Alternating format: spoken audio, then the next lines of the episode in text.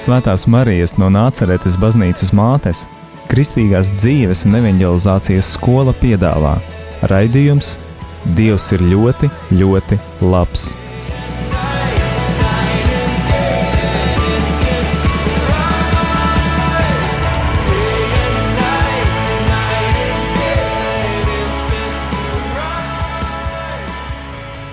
Labvakar, darbie klausītāji!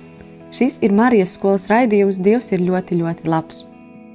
Un šovakar jums būs iespēja dzirdēt Jāņa un Agneses liecību par kādu drosmīgu lēmumu viņu dzīvē. Patīkam klausīšanos! Slavēts Jēzus Kristus! Mani sauc Agnese Rudzinska. Šovakar esmu kopā ar savu vīru.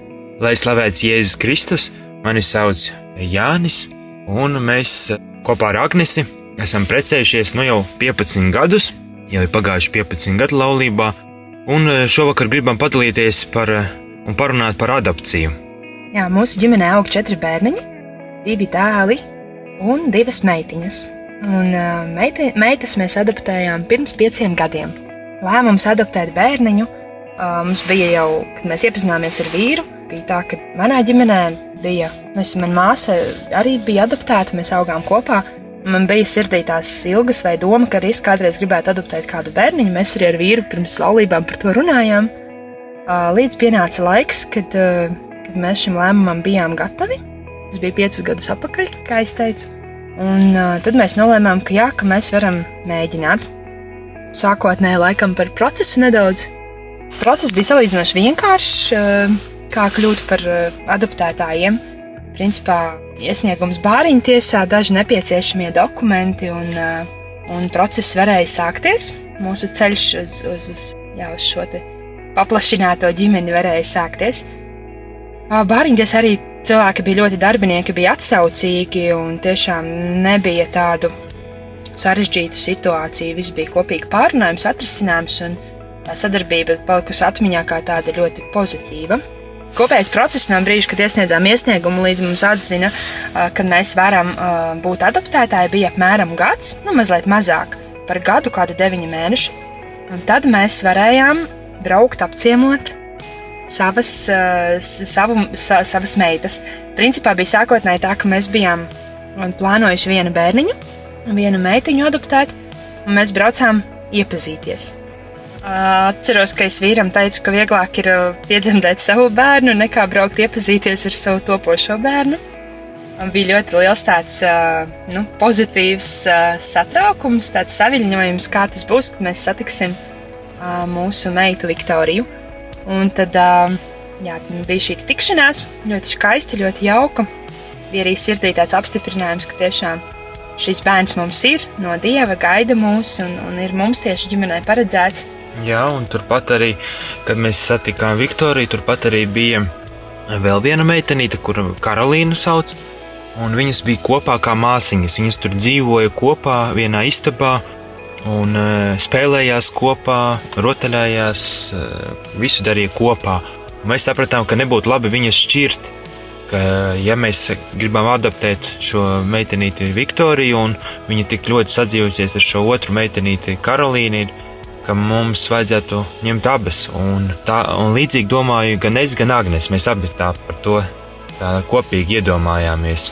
Mums arī bija divi dēli ģimenē, un mēs domājam, ka būtu ļoti skaisti, būtu divas meitas, būtu arī tāds skaists līdzsvars. Un arī mēs, eh, arī kad satikāmies, mēs domājām par to, kad eh, sapņojām, ka mums varētu būt kā četri bērni, un, un tā Dievs arī sakārtoja, ka mums tādā veidā arī varētu būt tie četri bērni. Un mēs, eh, mēs piekritām ņemt abas meitenītes. Jā, es atceros to situāciju, ka mēs principā to uh, izlēmām uzreiz.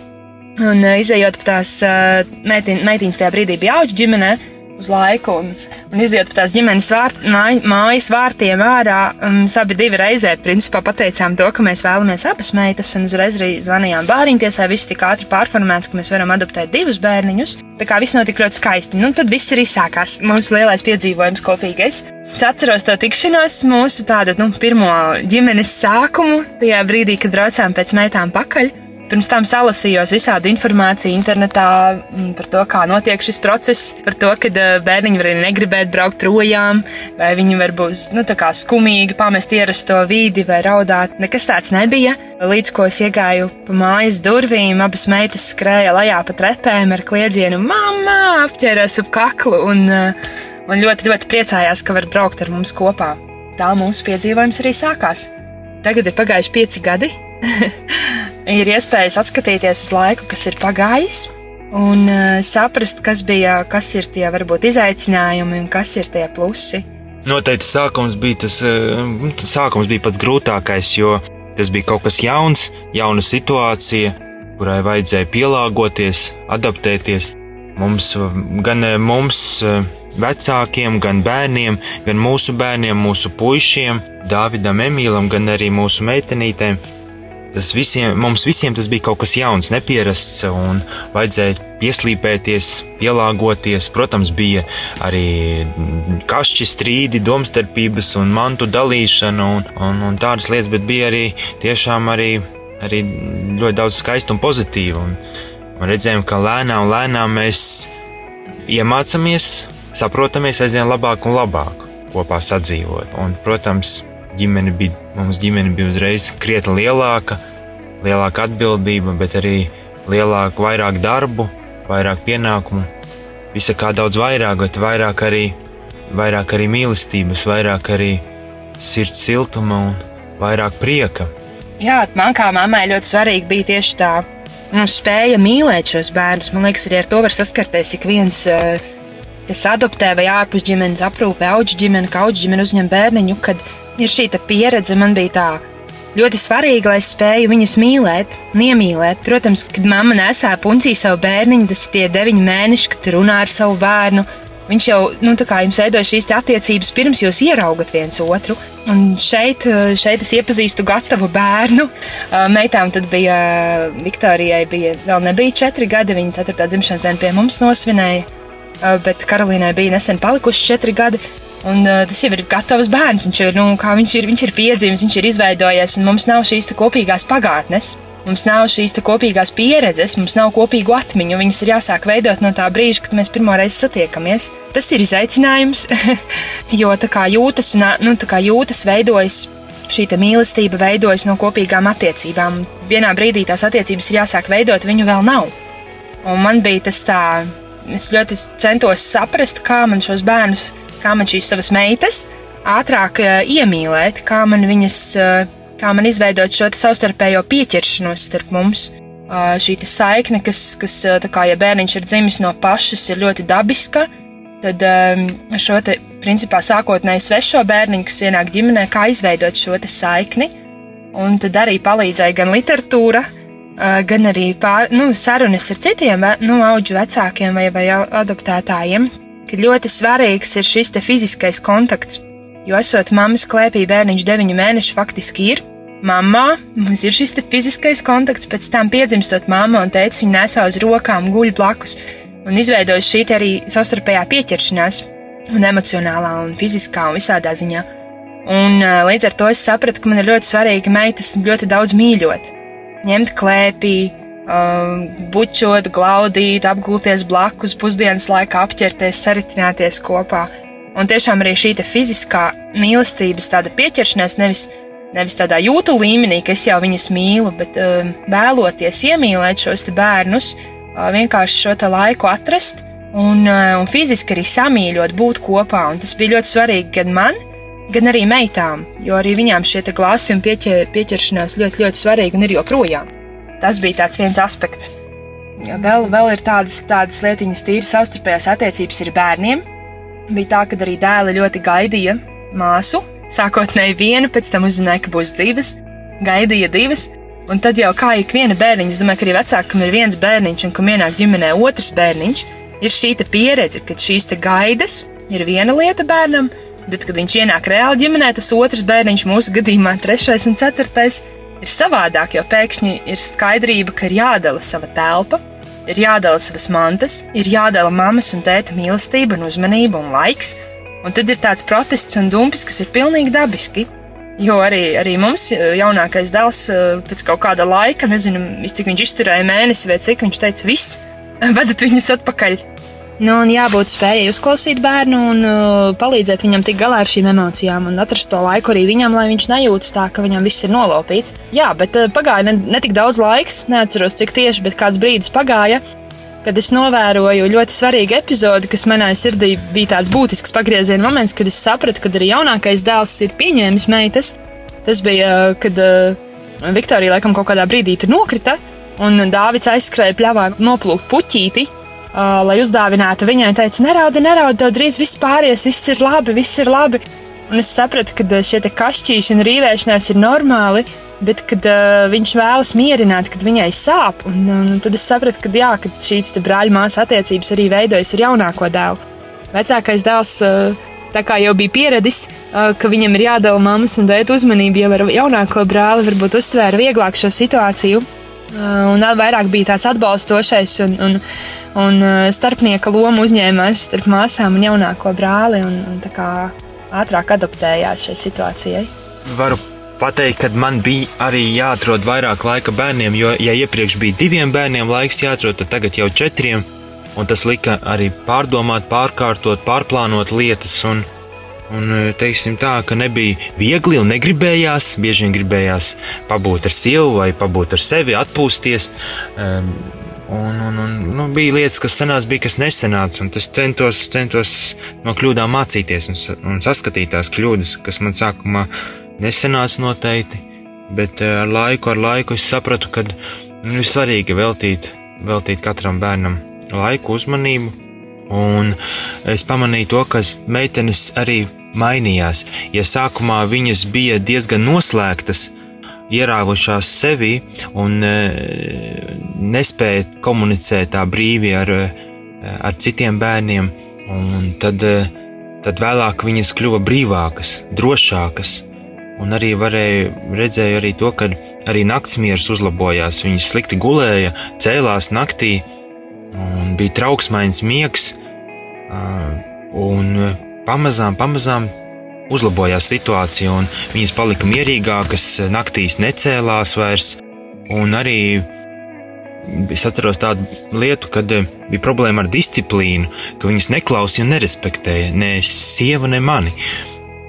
Un, un tad es mēģināju ar spēku pateikt, ar, ar vārdu, ar, ar, ar savu ietekmi, varbūt ar savu kā tēva tādu, tādu stingru vārdu, bet uh, tas nestrādāja. Es sapratu, ka ir svarīgs tiešām šis laiks kopā, svarīgi dot no sevis uh, savu laiku, savu uzmanību, savus, savus glāstus, mīlestību. Uh, jā, visu, ko es spēju no sevis dot, un tikai tā viņas pieņem, piedzīvo, iepazīst mani, un tā viņas atveras un uzticās, un tad arī tikai sāk klausīt un ieklausīties manī, un arī respektēt mani. Ja?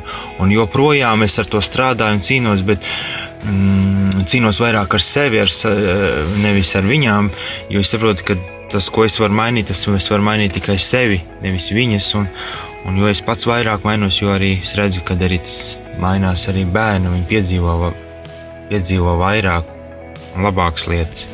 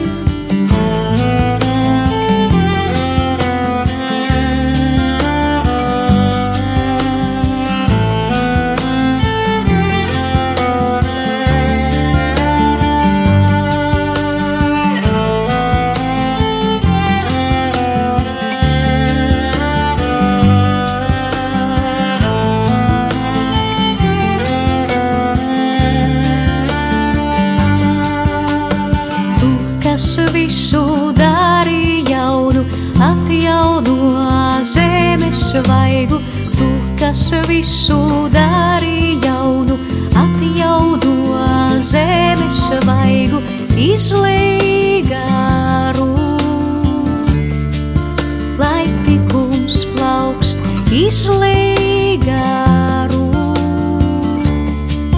Lai šķīstums zem izlīgaru.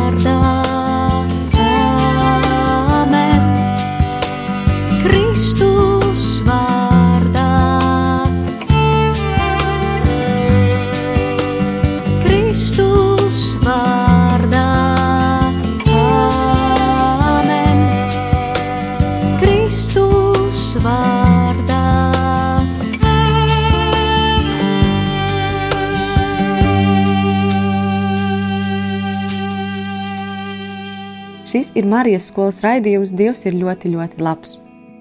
Un šovakar iespēja dzirdēt Jāņa un Agneses liecību par kādu drosmīgu lēmumu viņu dzīvē. Patīkam klausīšanos!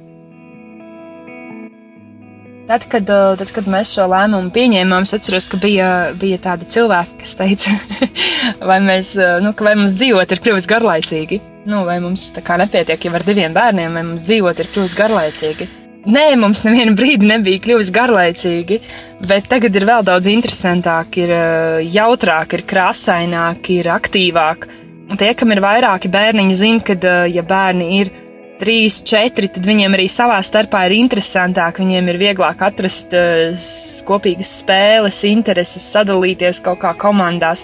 Dažreiz mums, kad ir jāspēlē futbols vai kādas citas sporta spēles vai volejbols, uh, ir tā, ka mums pat uh, dēli ir teikuši, mums vajag vēl pāris apmēram uh, ģimenes locekļus, lai mēs varam normāli kaut ko uzspēlēt, jo nepietiek komandām cilvēku.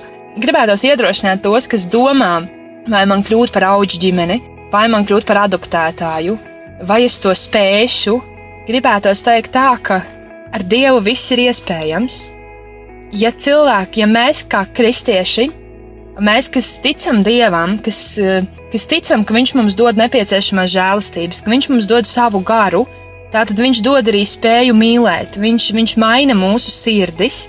Mēs noteikti varam būt adoptētāji, mēs noteikti varam būt auģu ģimenes bērniem, kuriem nav šīs mīlestības. Kāpēc mēs to varam? Jo mums ir pieejams spēks no augšienes. Dievs ir tas, kas dod, eh, nu, kas, kas, kas dara šo par iespējamu lietu. Jo savā spēkā varbūt es daudz ko no šī te nespētu, Varbūt mēs ar Jāni jau sen būtu salūzuši, vai padavušies, vai, vai kļuvuši nelaimīgāki, nu, nevis laimīgāki, bet nelaimīgāki. Bet ar Dievu kopā mēs to varam. Un Gribētos teikt, ka Kā ar Dievu kopā to var ik viens, kurš vēlas. Ik viens, ik viens, un tā ir tikai jāpieņem šis lēmums, jāuzticas Dievam un jārīkojas. Un, tad viss ir iespējams. Un, protams, tas prasa kaut kādu laiku, tas ir kaut kāds process, bet tas viss ir izdarāms, Dieva spēkā tas ir izdarāms, un, un tas ieguldījums nav tik liels kā tas ieguvums, tas ieguvums ir daudz lielāks un daudz eh, vērtīgāks, daudz svarīgāks, daudz skaistāks. Un es domāju, ka tas ieguvums, cik tas ir eh, liels ieguvums, cik tā ir liela svētība, to mēs tikai pēc nāves redzēsim tā patiesībā, tā patiesi debesīs, tikai mēs to pašu piedzīvosim, cik tā ir liela bijusi svētība. Bet jau arī šeit virs zemes tas ir, to var piedzīvot un redzēt katru dienu, un to var just ne tikai fiziski, ka tevi cieši, cieši apskauj. Un pasaka kādu mīļu vārdu, bet eh, arī ar, ar šo rīcību, ar šo te, ar šo mīļajiem vārdiem, ar šo, šiem te kopīgi pavadīto laiku, un ar visu šo te piedzīvoto, ko mēs piedzīvojam kopā, izdzīvojam kopā. Un arī tas, kā šie bērni mūs pārveido, pārmaina mūs. Jā. Arī ja es varu teikt, ka es biju lielāks egoists, tagad es arī esmu egoists, bet tomēr mazāks un, un eh, vairāk, vairāk mm, bērni iemāca vairāk. kā Pieņemt lietas, sadzīvot ar lietām, eh, varbūt ar tādām lietām, kurām man bija grūti sadzīvot, vai kuras man bija grūti pieņemt iepriekš. Un māca, varbūt darīt lietas ar tām prātīgāk, rūpīgāk, uzmanīgāk un māca dzīvot ar lielāku pievienoto vērtību. Jā, jo kāpēc? Nu, es zinu, ka ir viedoklis, ka ir, nu, ir bail uh, adoptēt bērniņus, jo, uh, jo būs grūti. Bet uh, tie, kam ir vairāk kā viens bērniņš, pat pirmais bērniņš ienākot, saprotam, ka sākumā ir grūti, jo mainās, mums ir jāmainās. Mēs no cilvēkiem vienkārši brīviem vai tikko laulātiem kļūstam par vecākiem. Un arī šeit ir tieši tas pats. Mēs kļūstam par vecākiem bērniņiem, kuriem ir īpašas vajadzības. Pie tam ne tikai tāpēc, ka varbūt kādam ir veselības problēmas, vai vec vecākiem, no kuriem bērniņi ir dzimuši, ir alkohola problēmas. Ne tas, bet arī tas, ka viņiem ir īpašas vajadzības, jo viņiem ir trūcis ģimenes, viņiem ir trūcis mīlestības. Tas ir tā, it kā es lasīju vienā ļoti labā grāmatā nesen, ka, kad ja mūsu bērni būtu auguši ģimenē, pāris gadus mīlēti, rūpēti, aprūpēti, un tad viņi tiek nolaupīti uz pāris gadiem. Viņi netiek mīlēti, viņiem netiek uh, veltīts sirds siltums, viņi netiek audzināti, viņi vienkārši tiek audzēti, pabaroti, apģērbti, uh, apmācīti pamatvajadzību apmierināšanā un palaisti. Un tad viņi atgrieztos mūsu vidē, kad mēs taču ļoti daudz laika būtu gatavi un iecietīgi gaidīt, kamēr viņi atlapst. Jo šīs traumas, kas bērnam ir augot bez vecākiem vai augot nelabvēlīgā ģimenē, ir lielas. Viņi nav piedzīvojuši normālu ģimeni, viņi nav saņēmuši mīlestību, rūpes, gādību. Viņiem ir īstenībā bieži vien sakropļots priekšstats par normālām attiecībām ģimenē. Viņi varbūt. Uh, Mums arī ir bijušas situācijas, kad manipulējam, ja? nu, kad sākotnēji arī es atceros, ka Viktorija uh, bakstīja Karolīnu, un, un kad Karolīna kaut ko vai Vika bija sadarījusi uz iepas, tad viņa bakstīja māsu, lai teica, nu, tagad raudi, raudi, tagad raudi un saki, māmu, es tevi mīlu. Un, kad es to dzirdēju, tā aiz durvīm netīšām, es domāju, ārprāt, šis mazais trīsgadīgais bērns kaut ko tādu jau ir izdomājis. Bet tas viss aiziet. Nu, tā kā esot ģimenē, bērns mainās. Dievs maina mūs, Dievs maina viņus, un kopā mēs kļūstam labāki, labāki cilvēki. Arī es varu droši teikt, ka līdzīgi kā vīrs teica par to, ka viņš ir mazāks egoists, es varu droši teikt, ka es esmu labāka mamma tagad saviem četriem bērniem, nekā es biju mamma savam pirmajam bērnam.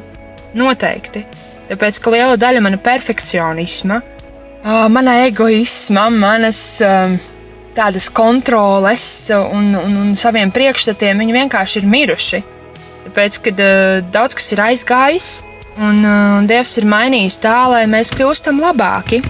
Un, ja mūsu mērķis ir debesis, ja mūsu mērķis ir svē, uh, būt svētiem, tad, uh, tad es teiktu, ka uh, šis ir brīnišķīgs ceļš, kā to īstenot, kā, kā saņemt mīlestību un kā dalīties viņā, kā ļaut Dievam mūsu sirdis pārveidot. Jo es teikšu tā, ka es saprotu, ka es savā spēkā nespēju mīlēt nevienu bērnu. Ne tos, kas bija dzimuši no manis, ne tos, kas ir mūsu ģimenē ienākuši caur adopciju. Man ir vajadzīgs dieva gars, man ir vajadzīgs svētais gars, lai viņš mīl mani, lai viņš dod mīlestību man, un tad es spēju mīlēt savus bērnus un savus tuvākos. Es domāju, ka tas attiecas nu, uz ikvienu no mums. Un jo vairāk man vajag ko mīlēt, jo vairāk es saucu uz Dievu, jo vairāk Viņš man dod. Nu, līdz ar to arī es to pārveidot. Tas ir tā ļoti skaisti. Un es nezinu, man tas ieguvums, kas redzu meitas, kad es redzu viņu attīstību, kad es redzu viņu prieku par katru lietu, ko viņi māca, kas viņiem sanāk. Apsveikums, ko viņi zīmē, cik viņiem tas ir svarīgi zīmēt mammu un tēti kopā un mums to dāvināt. Tas gandarījums, prieks un tā, tas sirds siltums ir ļoti, ļoti liels. Es domāju, ka nekādas um, tādas dzīves ērtības, vai varbūt laiks sev, kaut kādas egoistiskas vēlmes, no kā mēs atsakāmies, neatsver šo prieku un gandarījumu, kas piepilda katru dienu. Un tas ir brīnišķīgi, ka tev skrien pretī šie mazie bērni, lielie bērni, jo viņi kļūst aizvien lielāki kad viņi tiešām arī apķer, samīļo, un tev katra diena ir piepildīta. Jā, man ir mazāk laika sev, jā, man ir mazāk varbūt tāda sautīgu interešu īstenošana, mums vairāk ir kopīgs laiks, mums vairāk ir piepildīts laiks, un, bet tā arī tāda savstarpēja izaugsme, tiešām tas gandarījums un prieks ir ļoti, ļoti liels. Vieglāk ir dzīvot bez bērniem, Vieglāk ir tad, kad tu esi pats par sevi, dari to, ko tu gribi, tā kā tu gribi. Es varu teikt arī par sevi to. Bet uh, es negribu vieglāk, es gribu jēgpilnāk. Es gribu, lai manai dzīvei ir jēga, lai manai dzīvei ir pēc iespējas lielāka vērtība. Un šim laikam, ko es pavadu šeit virs zemes, lai tas ir piepildīts. Un, uh, esot ar bērniem, es jūtu, ka uh, šis laiks ir vērtīgs, šis laiks ir ļoti svētīts, svētīts laiks un ļoti svētīgs man un manai ģimenei, maniem bērniem un arī sabiedrībai kopumā. Un eh, tas, tas aug, eh, tas liek augt man un eh, garīgi augt, un garīgi mani stiprina un spēcina. Un tā ir liela svētība, un tas ir liels prieks. Ja. Liela svētība un liels prieks, ja ir tāda iespēja, un es domāju, ka e, varbūt, ja ne katram, tad daudziem ir tāda iespēja adaptēt vismaz vienu bērniņu, vismaz vienu bērniņu, tiešām no sirds ieteikt, pārdomāt, apdomāt, vai, vai, vai, vai tas ir iespējams, un es domāju, ka tas ir iespējams. Tagad ir arī dažādas iespējas saņemt šo palīdzību, konsultācijas, atbalstu. Galvenais, lai tas būtu sirdī un atvērties tam, atvērt, lūgt, lai Dievs atver sirdi tam, lai Dievs arī parāda šo ceļu, kā iet. Un tas arī tas uh, grūtības ir un būs, un vienmēr, un arī jebkuru, jebkurās attiecībās ar jebkuru cilvēku, ko mēs veidojam arī ar bērniem. Un arī šeit es tā redzu pēc sevis, ka man ir ļoti svarīgi, uh, ka Dievs atklāja tādu lietu, kā skatīties, kāpēc mani tracina tas, kas mani tracina. Nevis mans bērns ir pie tā vainīgs, ka es nespēju viņu pieņemt, bet paskatīties, kas tieši manī ir tāds, ka es nespēju pieņemt šo situāciju, vai nespēju viņu mierīgi reaģēt, jā, vai nespēju mīlēt tādu, kāds viņš ir, kas ir tas manī piemēram, ja? un, un ir tās lietas, ko es pamanu un atrodu. Piemēram, ir tā, ka, ka, jā, kad ir dažreiz grūti pieņemt kaut kādas lietas, uh, kas norāda uz kaut kādiem bērnu trūkumiem. Man, ir, man gribas izslēgt kā, no viņa uzvedības to, kas norāda uz viņu nepilnībām. Nu, kā, lai, viņi, lai es to neredzu, lai viņi to neizrāda citiem. Bet es sapratu, ka uh, Dievs man vienā brīdī arī atklājumi parādīja, ka ir svarīgāk viņus mīlēt tajā brīdī, kad viņi ir nepilnīgi. Jā, pateikt tā nedrīkst rīkoties, bet arī nodot to vēstījumu, ka tu joprojām esi mīlēts. Es nosodu tavu rīcību, tu nedrīkst darīt pāri citiem, vai tu nedrīkst melot. Bet es mīlu tevi arī tagad, un mīlēšu tevi vienmēr. Un, un tas ir ļoti, ļoti svarīgi, lai bērnam būtu motivācija vispār augt un mainīties. Viņam ir šī drošā aizmugure, ka viņš vienmēr būs mīlēts neatkarīgi no nekā, ka viņš vienmēr varēs nākt un, un, un izsūdzēt šo bēdu vai, vai, vai kaut kādu problēmu un meklēt risinājumu.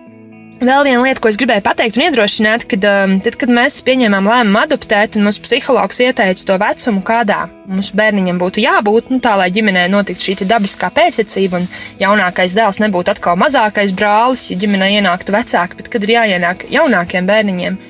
Un tad mums arī uzreiz bāriņu tiesā teica, ka, nu, gaidi, jums būs rinda.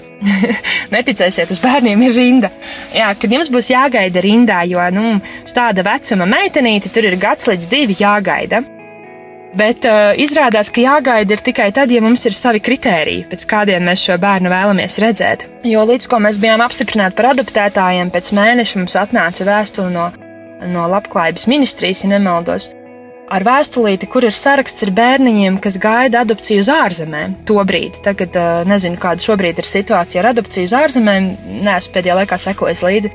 Jā, bet toreiz bija šis saraksts ar bērniņiem, ja bērniņiem tādiem bezcerīgajiem, jā, kas ir brāļi un māsas un kas ir bērni ar veselības problēmām. Viņus, uh, uz viņiem nav jāgaida rindā, viņi gaida. Viņi gaida kādu ģimeni vai cilvēku, kas būtu gatavs uh, veltīt rūpes un mīlēt, pie tam arī, lai kļūtu par adoptētāju vai auģu ģimeni, nav obligāti jābūt uh, divām personām. Arī viens cilvēks var, tas, protams, vēlams ir, ka ir ģimene, bet tie, kas ir vieni, viņi arī var adoptēt, jo jebkurā gadījumā viens mīlošs vecāks ir labāk kā neviens vecāks.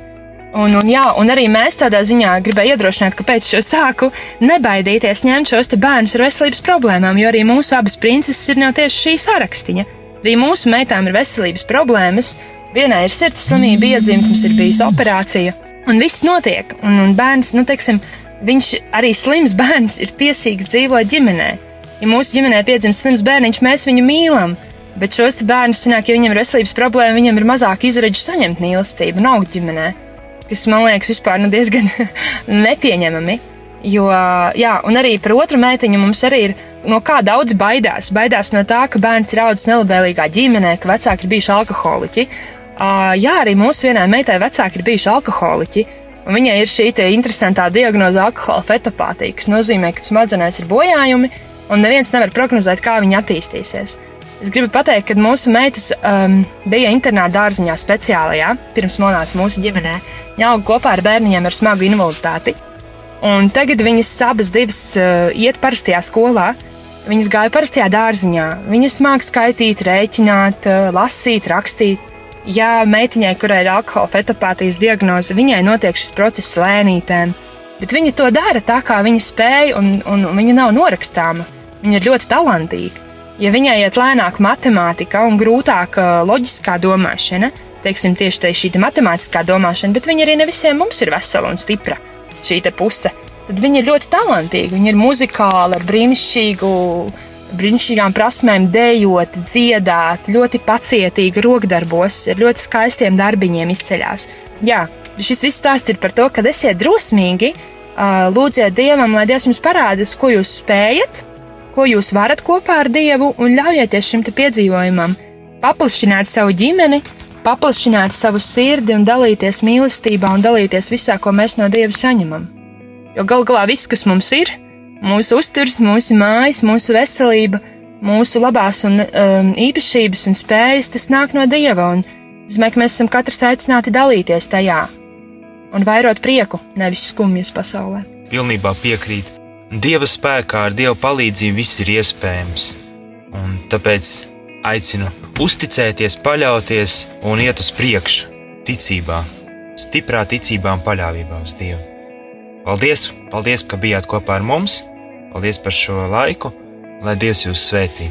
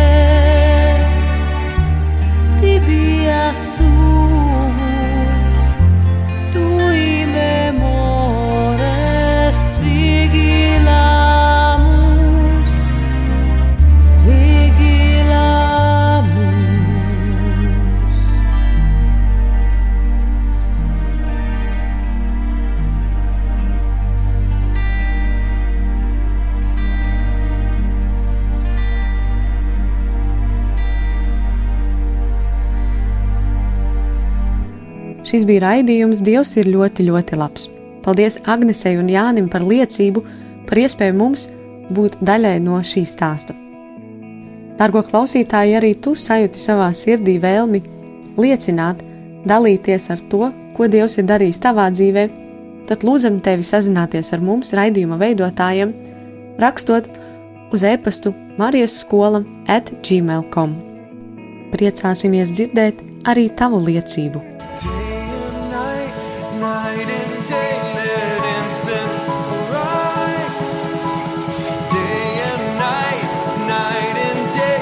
Svētās Marijas no Nāceretes baznīcas mātes, Kristīgās dzīves un evanģelizācijas skola piedāvā raidījums Dievs ir ļoti, ļoti labs.